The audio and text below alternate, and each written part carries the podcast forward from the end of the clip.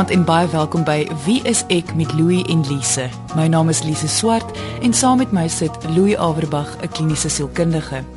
Ons gaan vanaand algemene angs bespreek. In ons vorige episode wat as 'n potgooi op RSG se webwerf geluister kan word, het ons gepraat oor depressie. Nou, meeste mense voel depressie is die siekte van ons tyd. Omdat die statistieke wys daar so baie mense aan depressie ly.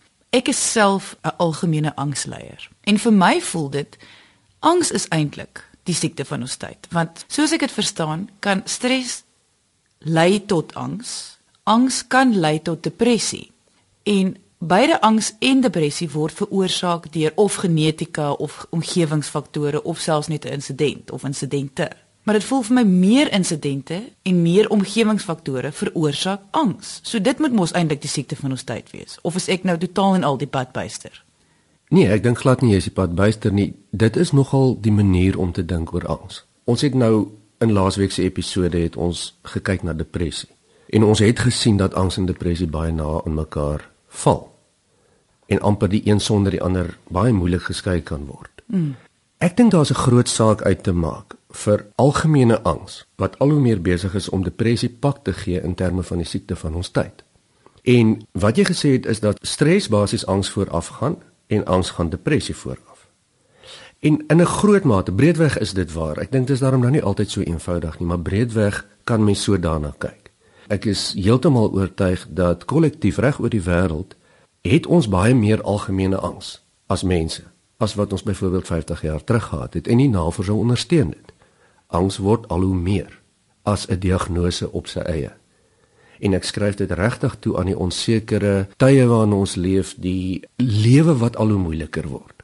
En ek dink ook die die groot probleem net is wat die luisteraars nou vanaand sal agterkom in hierdie episode is dat angs kan baie keer voel veral op 'n mindere graad so stres. Ja. Dit jy jy kan dalk maar net voel jy het stres, maar eintlik kan dit al klaar angs wees. En dis nou nie om om die mense nou skrik op die lyf te jaag dat almal net dink wat stres het hulle het dalk angs nie, maar ek dink dit is tog belangrik om die onderskeid tussen die twee te verstaan. Ja, stres is iets waarmee ons as mense almal te doen het. Dis 'n normale ding, dis deel van ons lewe. Hoe ons daardie stres gaan hanteer in 'n groot mate gaan dan bepaal hoe ons toestand van algemene angs is. Ons almal ken dit. Die bietjie paniekerigheid, die wonder van o genade gaan dinge uitwerk, wat gaan gebeur? Maar die diagnose van 'n algemene angsversteuring het baie te doen met hoe ons die realiteit rondom ons hanteer. En ek wil net byvoeg dat selfs al is die titel van die toestand algemene angs, moet nou net nie gefnuik word en dink dat dit is sommer net 'n baie eenvoudige toestand. Ja, sommer so 'n snippermandjie kategorie as mens nou so 'n bietjie angstig is dan probeer die mense daarin sit. Nee, dis 'n baie spesifieke toestand. In elke episode gaan ons 'n storie hoor van iemand wat direk deur die onderwerp geraak word. Vanaand ontmoet ons vir Andre en Erna. Andre het al meer as 20 jaar algemene angs en Erna sy vrou van 37 jaar gaan ons vertel hoe dit is om saam met iemand wat algemene angs het te leef. Ek is nou geraad vir die afgelope 20 21 jaar. Geraad is in Engelse terme gebord. Alhoewel jy is medies ongeskik verklaar. Wat jy wel besef is dat jy jy besef dat jy nie eintlik kan aangaan met dit wat jy gedoen het nie. Jy is nie funksioneel nie baie sielkundiges gesien, dokters uiteindelik by 'n psigiater uitgekom wat vir my gediagnoseer het met 'n algemene angsstoornis. Baie baie erg, jy weet, en ek was ook in 'n tipe lyn wat jou uh, inkomste het jouself bepaal. Jy weet deur verkope. Ek het ander ontmoet ehm um, in Windhoek. Ek het by 'n um, ehm, bougenootskap gewerk en ander het by 'n bank gewerk. Toevallig was die twee geboue reg oorkant mekaar gewees gaan dans een oujaarsaand in die motel waar hy musiek gemaak het. En elke keer as ek verby hom gedans het, dan knip oog hy vir my. My ouers is kort daarna ter terug verplaas Kaap toe. Andre het geweet daarvan, gevra of ek kan kom kuier en van daar af het 'n verhouding ontstaan. Verlief geraak en ver, verlore geraak en lief geraak vir hom. Jaar uitgegaan, amper 'n jaar verloof gewees en getrou. Uh wel, my graad van angs uh sal ek sê is waarskynlik van van van van die hoogste week kan kry. Ehm um, uh, dit dit jy weet dit is selfs op wit en swart, jy weet uh uh omdat dit jy weet 'n knaande kroniese kroniese probleem is. Jy weet is dit waarskynlik jy weet uh, seker uh jy weet 'n 9 of 'n 10. Uh jy weet as jy dit tussen 1 en 10 moet lees. Ons kan hoor hoe Andre eintlik vir ons vertel dat sy graad van sy diagnose is baie ernstig. Dit is so erg dat hy vir jare en jare al glad nie kan funksioneer nie. Hy kan byvoorbeeld glad nie werk nie. En dan moet ons nou verstaan hoe werk grade. Jy weet, dit is nou amper weer om te verstaan dat as jy 'n siekte toestand het en ek vat weer die voorbeeld van 'n griep of 'n longontsteking, dan kan jy ligte grade hê daarvan en jy kan ernstige grade hê daarvan. In Andre se geval hoor ons baie duidelik die konstante baie ernstige graad van sy diagnose. Wat gemaak het dat hy geen ander keuse gehad het as om te onttrek van die werkslewe af en amper voltyds sy tyd te spandeer net om sy verstoring te bestuur nie sodat hy darm 'n kwaliteit lewe kan hê. So met ander woorde wat jy sê is mense moet nou nie skrik dat Andre nie gewerk het. Dit beteken nie as jy algemene angs het, gaan jy nie kan werk nie. Dis reg, ja. Hy is net 'n baie ekstreme voorbeeld. En maar, dit is daarom ook nie die mees algemeenste voorbeeld nie, nê. Nee. Laat ons sommer nou al net hierso dit duidelik kry. As jy nie jou angs gaan probeer onder beheer kry nie, selfs al is dit nog 'n kleiner graad, kan dit so erg raak soos ja. Andre se graad? Ja. Dis nie te sê dit gaan nie. Maar angs is weer een van daai goeters wat sneeubal. Hy kleef aan homself vas. Met ander woorde, die bal word al hoe groter soos die tyd aangaan. En as jy nie aktief hierdie ding bestuur soos wat ons hoor Andre doen nie, is die kans baie goed dat dit net erger en erger raak met die tyd. Maar die simptome bly tog dieselfde. Die simptome bly. Sy simptome wat hy nou vir ons van gaan vertel, gaan dieselfde simptome wees wat iemand op 'n ligter graad ook sal hê. Ja. Ja, die graad verskil net, nê. Nee.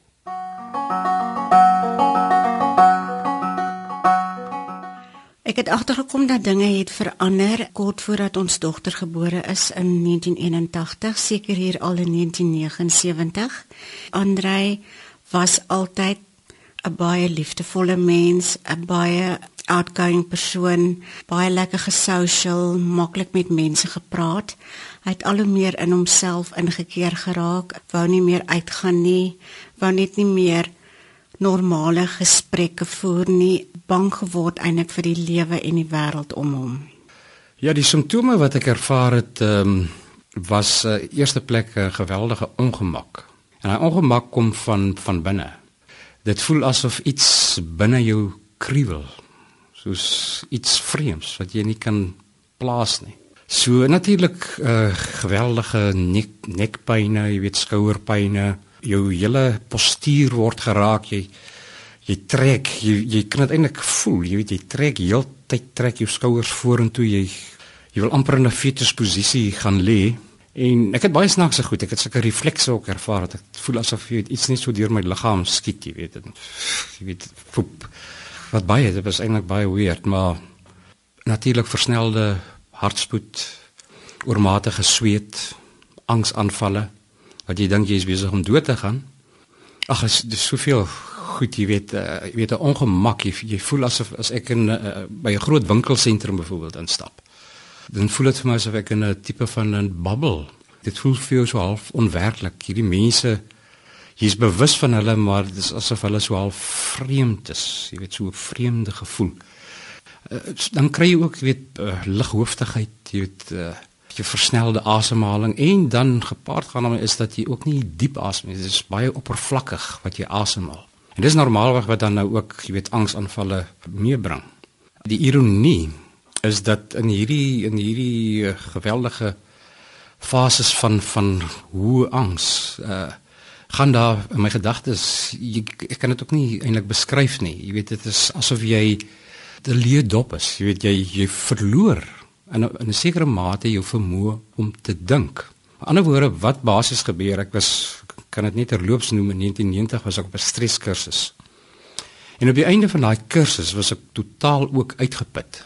Uh toe het ek nog steeds gewerk en die sielkundige, daai stadium wat dit aangebied het, het vir my gesê wat hier gebeur is dat jy word totaal oorweldig.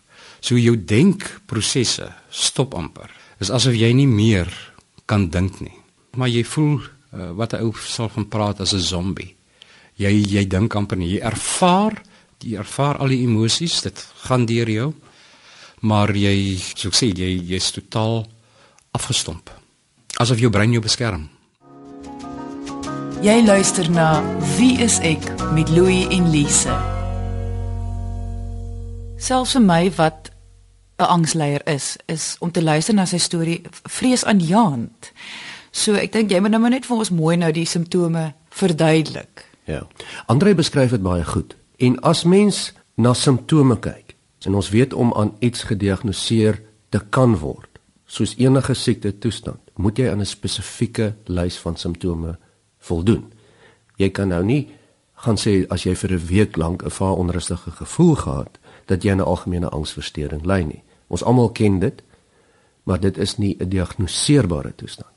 Nou die simptome is 'n lys van simptome wat vir ten minste 6 maande moet voorkom. 6 maande. Ja, ons wil terugkyk na 'n persoon wat gediagnoseer word met algemene angs en sê, het dit darm oor die afgelope 6 maande ten minste kronies so voorgekom?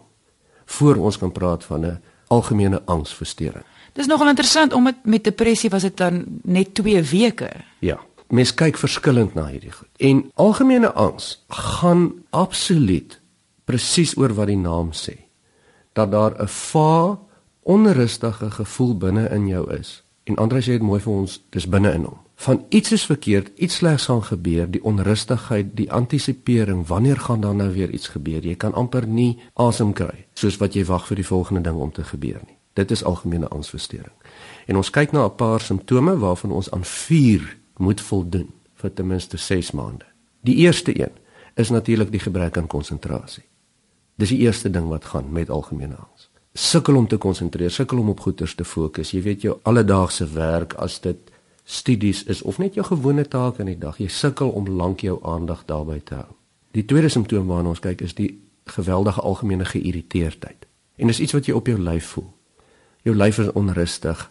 Jy kan nie lank konsentreer nie, daarom raak jy geïrriteerd met lang gesprekke, goed wat nie reg uitwerk nie jy het miskien daai bout en moer wat jy nou altyd vasdraai wat jy altyd meer gemaklik is en nou wil die ding nie lekker vinnig vaskom nie en jy raak sommer geïrriteerd. Sal jy dit dan wys ook? Dis nie net 'n gevoel binne in jou ja. nie, jy sal ook geïrriteerd wees ja. met die mense om jou. Ja, mense sal sommer sien op jou gesig nou as jy geïrriteerd. Die derde simptoom is hierdie algemene moegheid. Onthou algemene angs vreet jou lewenskrag op, jou battery op.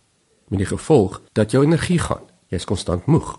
Ons kyk ook na die definitiewe simptoom van spiersamentrekkings. Geïrriteerdheid, jy weet jou vingers wat meer beweeg as gewoonlik, jou hande en jou arms wat saamtrek. So jy raak kriewelrig. Jy raak kriewelrig. Jy raak kriewelrig en jy jy vroetel. Mm. Weet jou jou lyf doen dit sonder dat jy dit self probeer en dis natuurlik van die gespannenheid, die die konstante fisiese opwekking. En die laaste simptoom waarna ons kyk is jou slaappatroon. Angs maak jou wakker.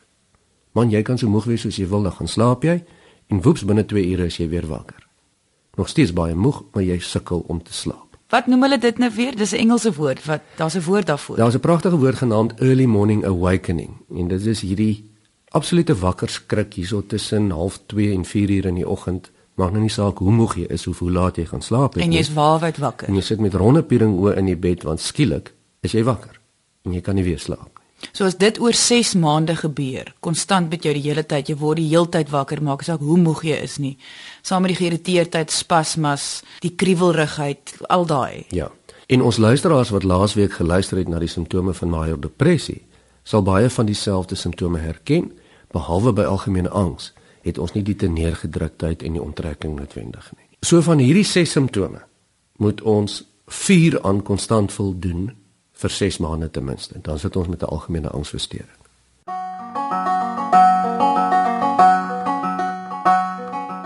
Ja, algemene angs is uh dit is 'n gevoel, dis 'n gevoel wat gesenter is in die, in jou binnekant.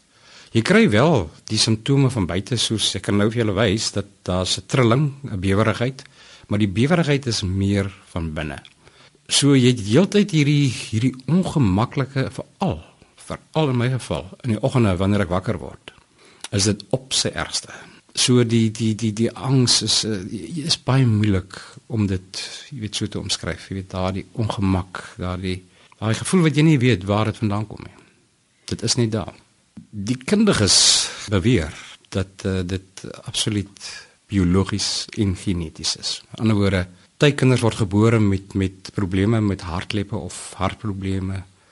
Uh so word sekere mense is gelukkig 'n klein persentasie ook gebore met met 'n algemene angsstoring gepaardgaande met depressie en ook 'n sterk komponent van sosiale angs, jy weet, uh, wat uh, sosiale fobie wat wat uh, wat ook sterk by my teenwoordig is. So ek sal ek gaan byvoorbeeld bitter min uit. Ek vermy situasies waar daar baie mense is. Ek voel ongemaklik in die groep want dit voel vir jou asof daar heeltyd vir my asof daar dalk jy weet te veel. Op my gefokus kan raak. Iets. Jy antisipeer amper iets wat mense vir jou gaan vra of uh, jy weet so jy, jy het hierdie jy het hierdie vrees. Uh, selfs ek is baie keer bang dit klink nou al snaaks as ek by 'n winkelsentrum ingaan dat ek dalk iemand raakloop wat ek ken want uh, jy weet ek ek ek, ek is nie daar om vinnig my ding te doen en uit te gaan. Is dit waar soos ander nou daar sê dat dit is net chemies en genetika? Jy word daarmee gebore. Dis 'n biologiese ding soos met feitelik alle sielkundige diagnoseerbare toestande is dit altyd 'n vraag tussen genetika en omgewingsfaktore. Sekere diagnoseerbare toestande het 'n suiwer mediese agtergrond. Sekere diagnoseerbare psigiatriese toestande het weer 'n suiwer omgewingsagtergrond, maar meeste toestande is 'n kombinasie van die twee wat ook jou angsversteurings is. 'n Mens word gebore met 'n sekere samestelling wat gaan maak of jy makliker of moeiliker sekere toestande kan ontwikkel. Dis presies net soos fisiese toestande. Jy weet, ons kan nou met die nuwe navorsing kan ons gaan sien of mense meer geneig gaan wees om kanker te kry byvoorbeeld as ander mense. En hierdie is presies dieselfde. Mense word baie keer van weë oorerwing en van weë genetiese en biologiese redes word baie mense gebore met die geneigtheid om makliker angs te kan ontwikkel. En dis nie te sê jy gaan nie, maar jou kans is baie beter. En as dit dan ontwikkel, sit jy met 'n ingewikkelde samespeling van genetiese en chemiese faktore sowel as sielkundige faktore. As jy nou so praat, dan kom ek al hoe meer agter dat die eintlike ding wat jy probeer sê is, dis nie jou skuld nie.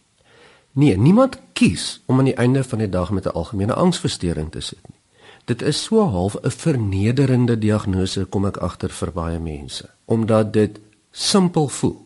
Dit voel ag nee my magtig man. Ek moet mos dit kan beveg. Ek moet mos dit ek kan kan beveg. ek moet mos beter wees as dit. Ja, en mense besef nie altyd nie dat die diagnose van algemene angsversteuring 'n baie ernstige diagnose en in ander se geval sien ons byvoorbeeld so ernstig dat dit sy hele lewe verkrippel het. Nou is die groot vraag, wat is algemene angs? Goed, en ek wil hê ons luisteraars moet hierdie ding baie mooi verstaan. Algemene angs is 'n psigiatriese toestand wat aan die diagnose moet voldoen wat ons nou net die lys van simptome genoem het. Kom ons kyk nou net na algemene angs in 'n een eenvoudige vorm. Kom ons kyk na leuke taal. Wat is dit? Algemene angs is nie 'n verstoring van die kop nie. Dis 'n verstoring van die lyf wat sielkundige probleme veroorsaak. En ek gaan dit so verduidelik. 'n Mens het twee senuweestelsels. Jy het 'n outomatiese senuweestelsel en jy het 'n willekeurige senuweestelsel. Ons almal weet dit al het ons nie eers biologie op skool gehad nie. Jy kan 'n groot deel van jou lyf kan jouself beheer. Jy kan jou arms beweeg, jy kan jou party mense kan selfs hulle ore roer.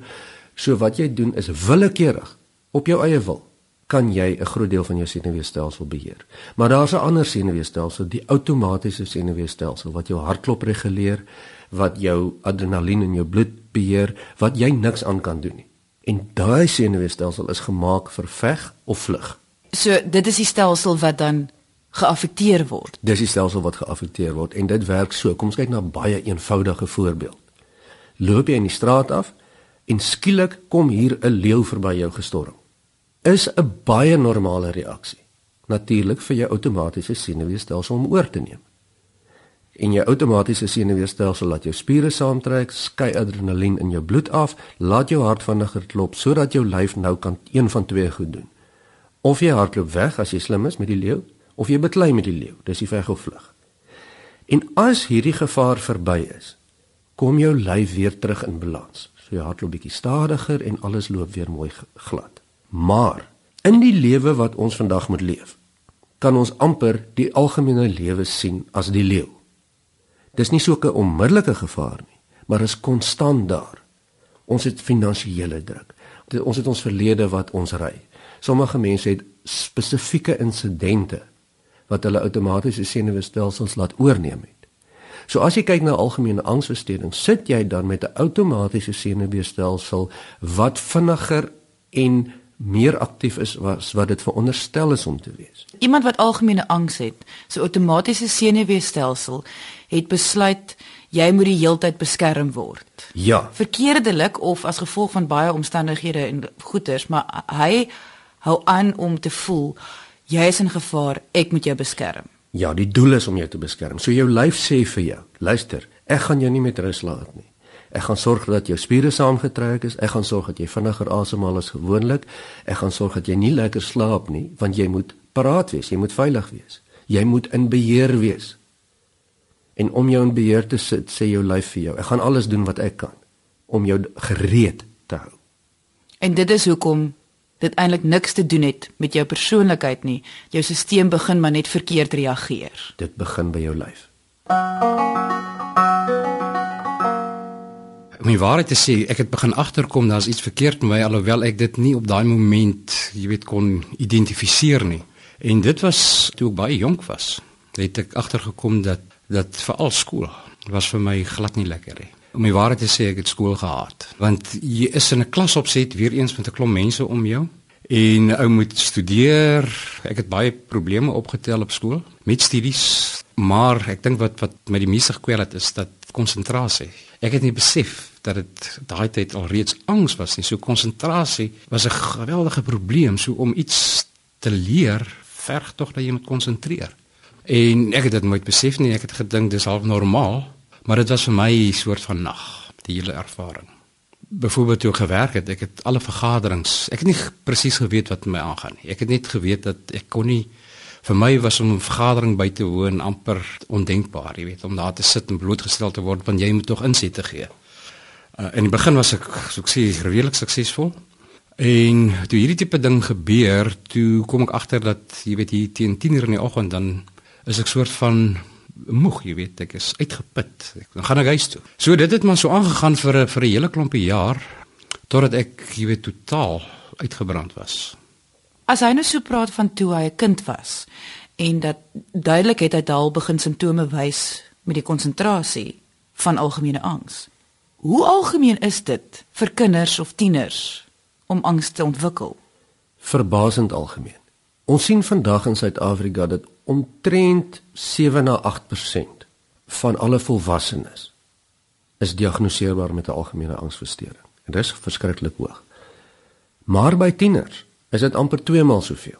En mens kan dit ook verstaan, hè. Tieners sukkel per definisie om beheer oor hulle omgewing te kry. Daar's baie faktore wat buite hulle beheer is.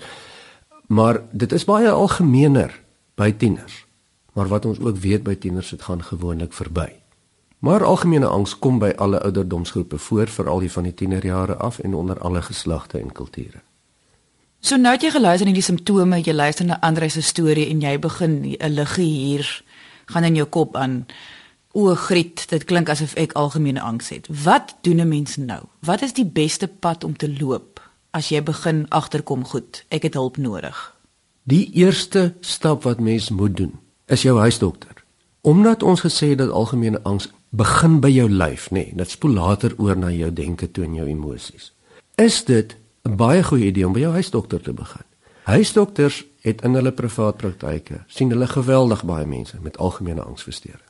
En huisdokters oor die algemeen tel dit sommer vinnig op ook en kan vir jou basiese medikasie gee om jou lyf so lank onder beheer te hou.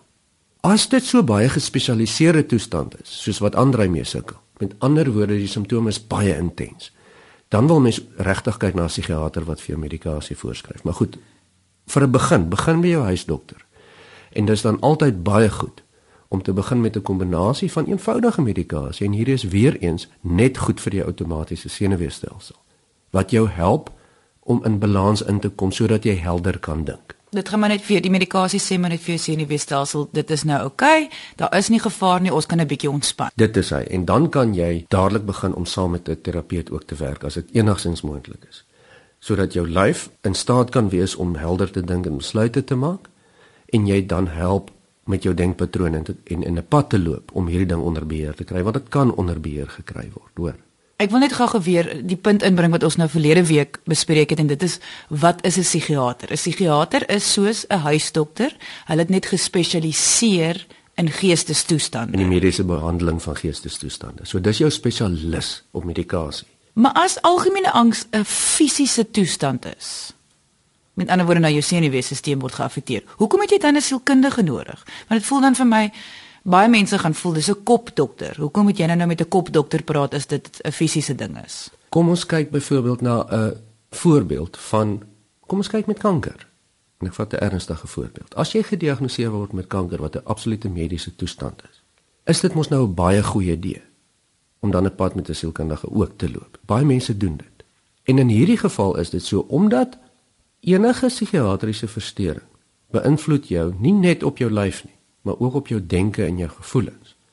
Met ander woorde, hoe jy jou algemene angs gaan uitleef, hoe jy dit gaan beheer, hoe jy gaan planne maak daarmee, gaan jy saam met jou sielkundige ontwikkel. Want op 'n stadium onthou raak mens gewoond aan hierdie algemene angs. En soos met ander sien ons byvoorbeeld dat baie min goed het vir hom gewerk. So hy moet hom dan van 'n denke en 'n gevoel kant af ook aanval. Baie keer is dit nie genoeg om net jou lyf onder beheer te bring nie. As dit genoeg is, soos in die geval van ligte graad van algemene angsversteuring, dan is dit fantasties en dan gaan mens aan. Maar gewoonlik is dit nie net ligte grade nie. En dan moet mens regtig 'n plan maak om jou lewe te bestuur.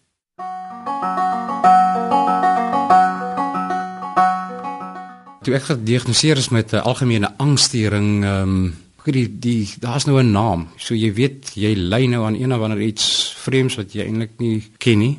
Uh so dit het 'n tipe van 'n verligting vir jou gegee dat daarom jy weet 'n uh, dit is geïdentifiseer immers. Nou weet jy, goed, jy het nou hierdie kwaal. Maar die prognose was nie baie goed nie. So jy weet onmiddellik dit, dit, ek het dit baie swak gevat om my waarheid te sê. Ek dink die eerste paar jaar daarvan was dit eintlik vir my nie aanvaarbaar nie. So kom ek nog steeds hulp gaan soek het, jy weet, en kyk of daar iets anders is. Jy weet, die ete verander, alles probeer om om op 'n oplossing te kry nie. Ek kon dit nie aanvaar nie. Uh want ek was was betreklik jonk toe dit gebeur het. Uh, Almal het tog drome, jy weet, en goed wat jy oor droom wat hoe jy jouself in die toekoms sien. Jy het 'n familie, jy het 'n vrou, uh en 'n kind in my geval en en ek het gedink maar jy weet ek is ek wil nie ek wil nie daai slegte woord maar ek was ek is opgeneek. ek is ek is hier hierdie is hierdie wat nou gebeur het is seker die slegste wat met 'n ou kan gebeur. So dit was nie maklik nie. Ek het so baie goed probeer om om 'n oplossing te kry vir my probleem. Jy weet jy jy sit hier met 'n met 'n geweldige, jy weet uh, ding wat jou kniehalter wat jou weerhou, jy weet om om eintlik uh, te presteer. En dit is presies wat angs doen. Uh dit het 'n geweldige 'n geweldige remmende effek op jou funksionering as mens. Ek het na alles wat ek kon gryp gegryp. Ek het natuurlik psigiaters gesien, dokters, ek het gegaan vir baie verskillende terapieë. Ankipunktuur, jy weet om een te noem, uh, refleksologie. Ek was ook uh diep masserings laat doen op my asemhalingsoefeninge, jy weet al daai tipe van goed wat wat moontlik jy weet verligting kon bring. En natuurlik gepaardgaande met met baie middels wat ek gebruik het. Natuurlike middels, verskeie krye middels, multivitamiene, baie predikante gesien, verskillende predikante. Ek het basies alles probeer wat 'n ou, jy weet, aan kan dink wat op daai stadium beskikbaar was. Jy luister na Wie is ek met Louie en Lise. Ek wil net die luisteraars herinner dat Andrei se graad van algemene angs is van die ergste wat jy kan kry. Soos hy self aan die begin van die episode gesê, dis omtrent 'n 9 uit 10. Ja, dis dis baie erg. En dit, dis te gelukkig ook nie die algemeen nie, nê. Nee. En as hy nou so gesels oor hoe hy vir al die terapieë en alles wat hy probeer doen het, voel dit eintlik vir my teenstrydig. Hy was angstig omdat hy angs het. Angs kweek angs. En waar ons laasweek as vir die luisteraars wat kan onthou het ons gesê dat depressie vang jou vas in tyd. Daar's vir jou geen toekoms nie, is 'n donker gat. Angs is net toekomsgerig. Dis 'n konstante bekommernis oor wat volgende gaan gebeur. Die wat as. Die wat as. Dis antisisipasie en almal wat diagnoseerbaar is met algemene angsversteuring sal vir jou sê hulle het 'n hol ongemaklike gevoel op hulle maag. Van iets is verkeerd. Iets gaan enige oomblik gebeur, hulle weet net nie wat dit is nie. So dit trek jou in die toekoms in en laat jou die die woord worry hmm. is 'n baie goeie beskrywing. Dis 'n konstante bekommernis en 'n konstante gevoel van o genade, ek moet ergens beheer kry want daar's verskriklike goed rondom my, maar ek weet nie hoe nie. Is ek reg as ek sê aanvaarding gaan my jou beste maat word? Absoluut. En ek sê jy sê hoekom? As mens kan sê, luister, ek het hier 'n toestand. Dis amper om te sê man, ek het hierdie uitgroeisel op my vel. Ek moet dit nou aanvaar. Ek kan niks daaraan doen nie. Nou kan ek planne maak. Hoe gaan ek hierdie ding bestuur? Hoe gaan ek van die uitgroeisel ontslaa raak en as ek nie kan nie, hoe gaan ek met hierdie ding saamleef? En aanvaarding, dit is nie wie ek is nie. Dis iets wat my lyf aan my doen wat vir my 'n toestand veroorsaak net soos wat enige ander siekte soos griep of 'n infeksie sodat jy die ding kan beveg. Die probleem kom in soos met baie ander psigiatriese versteurings dat mense wat hiermee sukkel dink outomaties dat dit deel is van wie hulle is. En soos jy nou in die episode gehoor het, is dit nie deel van wie jy is nie. Absoluut nie. Dis 'n weer eens 'n ding wat van totaal van buite afkom. Dis iets wat ek het, nie iets wie wie ek, wie ek is, nie. En die, en so maklik soos wat dit klink, die onderskeid is baie baie moeilik. Kan 'n mens genees word? Absoluut, mens kan genees word. Ons sien in ander se geval dat hy nooit genesing gekry het nie en waarskynlik ook nie sal nie. Maar dat hy die beste doen wat hy kan en dit ongelooflik goed doen om te bestuur. Meeste kere kan algemene angs genees word omdat dit onthou ons sê weer dit die simptome kom in jou lyf voor. En as mens jou lyf onder beheer kan kry met die regte medikasie en mens kan leer om beheer te neem van wat jy kan, dan kan mens regtig volkome genees, ja. En ek neem aan dat hoe vroeër jy vir hulp gaan, hoe vinniger gaan jy kan dit onder beheer kry. Absoluut, want jou lyf veroorsaak 'n gewoonte hoe vinniger jy dit stop, hoe vinniger kry jou lyf kans om 'n gewoonte te vorm en hoe vinniger stop jy die neurologiese ja. paaie, die nuwe paaie van angs wat in jou brein ontwikkel. Ek dink om met 'n persoon te lewe wat algemene angs het, ehm um, die aanpassing kom van die mense saam met wie hy lewe.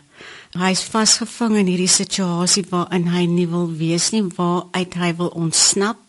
Hy weet nie hoe om dit te hanteer nie. Die medikasie wat daar baie keer gegee word, werk nie in die begin nie. So ek het baie opgelees daaroor met sy sielkundige gaan praat, met sy psigiater gaan praat om meer te verstaan waarin ons nou is. Vir my familie was dit uh, om saam met my te leef 'n uh, geweldige aanpassing. Ek dink dit is nie maklik, jy weet, om om saam met 'n persoon te leef met met hierdie tipe van simptome nie. Ek dink ek behandel hulle met met respek. Ek ek jy weet dis ek het al baie keer gesê ek kan nie myself saamleef nie. Jy weet hoe moet hulle dit regkry? Maar op die ou end is ons daardeur en ons gaan nog steeds daardeur en hulle het my aanvaar soos wat ek is. Dit is partykeer baie moeilik vir mense om saam te leef met 'n lewensmaat of 'n familielid of 'n geliefde wat 'n algemene angsversteuring het. Want onthou hulle is op die rand, hulle is geïrriteerd. Hulle dink vooruit en is amper asof daai angstigheid wil oordra en wil spring van die een sneeubal is amper soos elektrisiteit. So dit is, kan verskriklik moeilik wees. Maar dit is absoluut 100% moontlik vir mense om totaal saam te leef met mense met hierdie probleem. Omdat dit nie hulle persoonlikheid raak, hulle identiteit raak en so dit dit veroorsaak dat hulle gedrag baie anders raak. So mense moet 'n baie mooi onderskeid maak. En wat Erna vir ons pragtig hierso noem, is dat sy maak 'n onderskeid tussen waarmee Andrei sukkel en wie Andrei is. En dis hoe mense dit bestuur. Inligting, kennis is jou grootste wapen teen 'n psigiatriese toestand. En ons kan net 100 jaar teruggaan om te gaan onthou hoe mense en professionele mense 100 jaar terug die allervreeslikste goed met pasiënte aangevang het omdat hulle nie geweet het presies hoe hierdie goed werk nie. Ja. So as jy weet wat 'n algemene angsversteuring is, jy weet hoe werk sy diagnose, jy weet hoe gaan hy in jou lyf in, jy weet hoe dit jou gedagtes beïnvloed, dan kan jy sien daar is nou die simptome hiervan. Dis nie die persoon self wat probeer snaaks wees nie. En ek neem aan eh, goeie kommunikasie gaan belangrik wees. Die een wat die algemene angs het, moet kan kommunikeer. Ek voel nou so en so en die een wat daarmee moet saamleef, moet ook kan saamgesels of net kan luister en besef wat nou aangaan. Ja. Die grootste fout wat jy kan maak as jy met hierdie verstoring sit, is om jou te onttrek van jou geliefdes af. En mense doen dit want hulle wil nie hulle geliefdes irriteer nie. Hulle kry skaam vir hulle self. Hulle selfbeeld het gegaan. So jy bly maar weg van jou huismense en jou familie af want jy wil hulle nie verder blootstel nie. Maar dis die grootste fout wat jy kan maak. Andre en Erna het hierdie geweldige klomp jare van saamleef met algemene angs oorleef en goed oorleef omdat hulle konstant met mekaar inligting uitruil en praat oor hierdie ding. Net amper as 'n projek sien wat hulle saam veg en dis die beste manier om dit te hanteer. Dis in afval die beste manier om enige verhouding te hanteer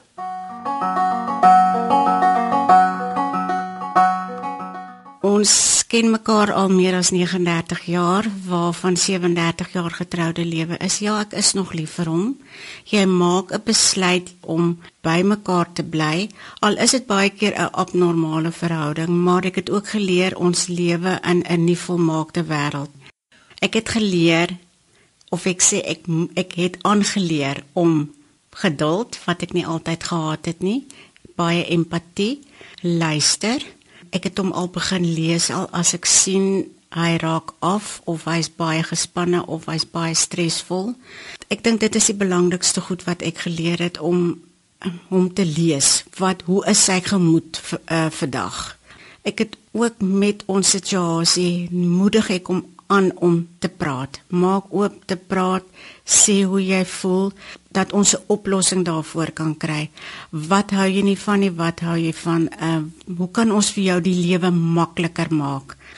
So vir my gaan dit daaroor om myself met kennis te bemagtig. Altyd van ons gebruik die internet baie, lees baie, praat met mense om net makliker met mekaar oor die weg te kom.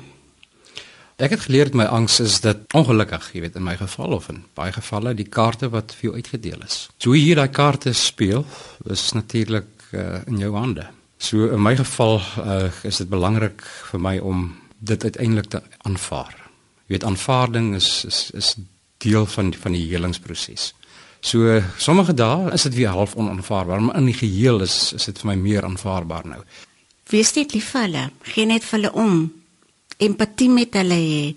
As hulle met jou gesels se oor luister, al het jy nie baie keer 'n antwoord daarop nie, luister net baie keer wat die persoon vir jou sê. Omdat ek self aan algemene angs ly. Ek het nou baie kleiner graad as Andre se angs. Maar ek weet dat dit affekteer my amper op 'n daaglikse basis. Dit, ja. dit dit dit is 'n bewustheid daarvan die heeltyd. Watse raad het jy as kliniese sielkundige vir mense om te verseker dat hulle hulle angs onder beheer hou. Ek hou van dat van die woord wat jy gebruik beheer.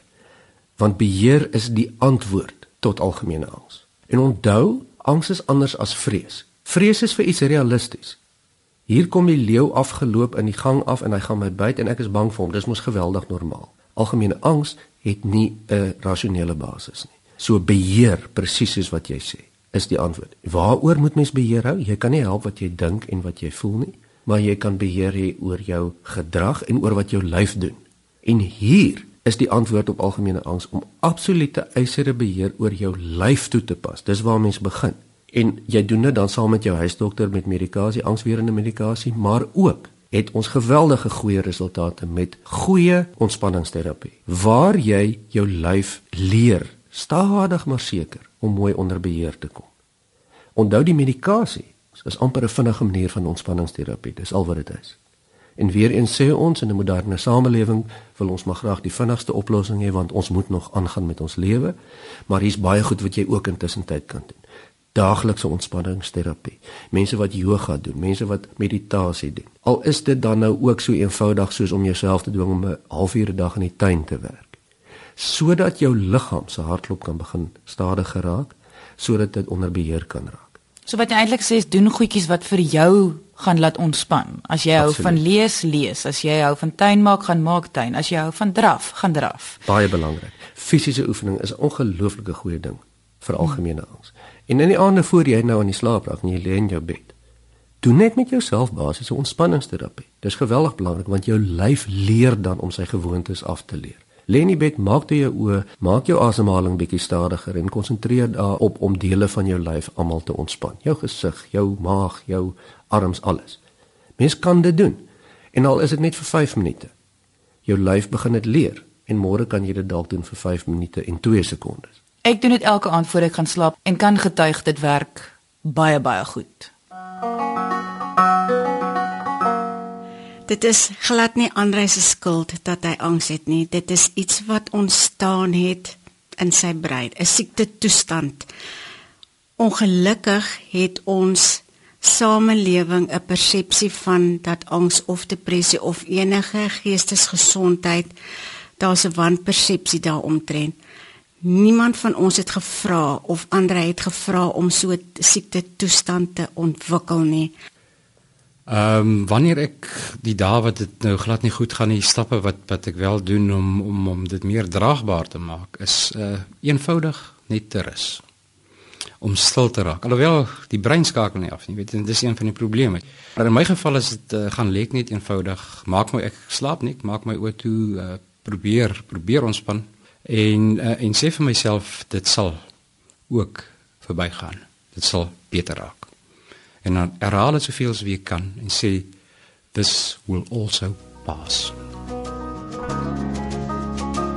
Jy luister na Wie is ek met Louie en Lise. So kom ons som nou die episode van vanaand op. Wat moet jy alles weet van algemene angs? Goed, algemene angsversteuring is 'n mediese psigiatriese diagnose wat jy aan sekere simptome moet voldoen wat vir ten minste 6 maande voorkom. Die simptome is gebrek aan konsentrasie, absolute geïrriteerdheid, 'n rusteloosheid op die rand gevoel, 'n konstante moegheid en uitputting, spiersamentrekkings, sowel as 'n merkbare verandering in slaappatroon. En vier van hierdie ses simptome moet daarom kenmerkend voorkom vir 6 maande. Dan het ons algemene angsversteuring. Ons sien dit is iets wat jou lyf aanval en dan later jou emosies en jou gedagtes baie moeilik maak om om op die pad te hou. Ja, dis nie dis nie wie jy is nie. Ja, dis baie belangrik. Dis 'n toestand wat jy het. Soos met enige toestand wat jy het, kan dit behandel word en jy kan volkomme genesing kry daarvoor, maar algemene angs is 'n sneeubal. En as jy dit nie doen nie, raak dit gewoonlik groter en erger.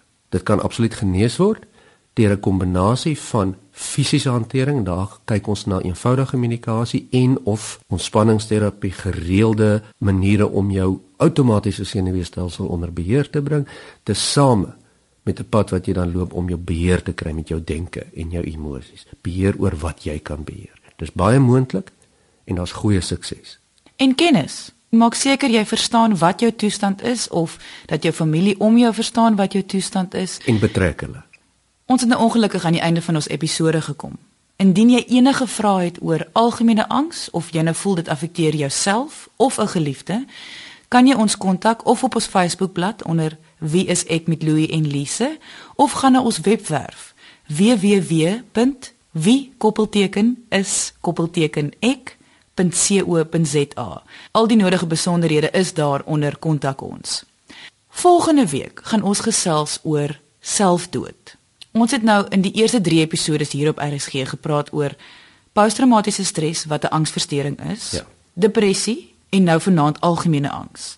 En dit gee mens nou 'n goeie basis van hoekom selfdood gebeur en ook die effek wat dit op die agtergeblewenes kan hê. Ja, ons het sover drie van die mees algemene psigiatriese toestande bespreek. Ons gaan sien volgende week dat depressie en selfdood het 'n sterk verband. En ons weet dat depressie baie keer voorafgegaan word deur angsversteurings. So ja, jy's heeltemal reg, hier's 'n groot verband en ons gaan moet praat oor die ongemaklike onderwerp van selfdood. Baie dankie dat julle vanaand ingeskakel het. Ons maak weer so volgende Dinsdag aand net na die 11uur nuus hier op RSG. Jy moet 'n heerlike week hê en onthou kyk mooi na jouself.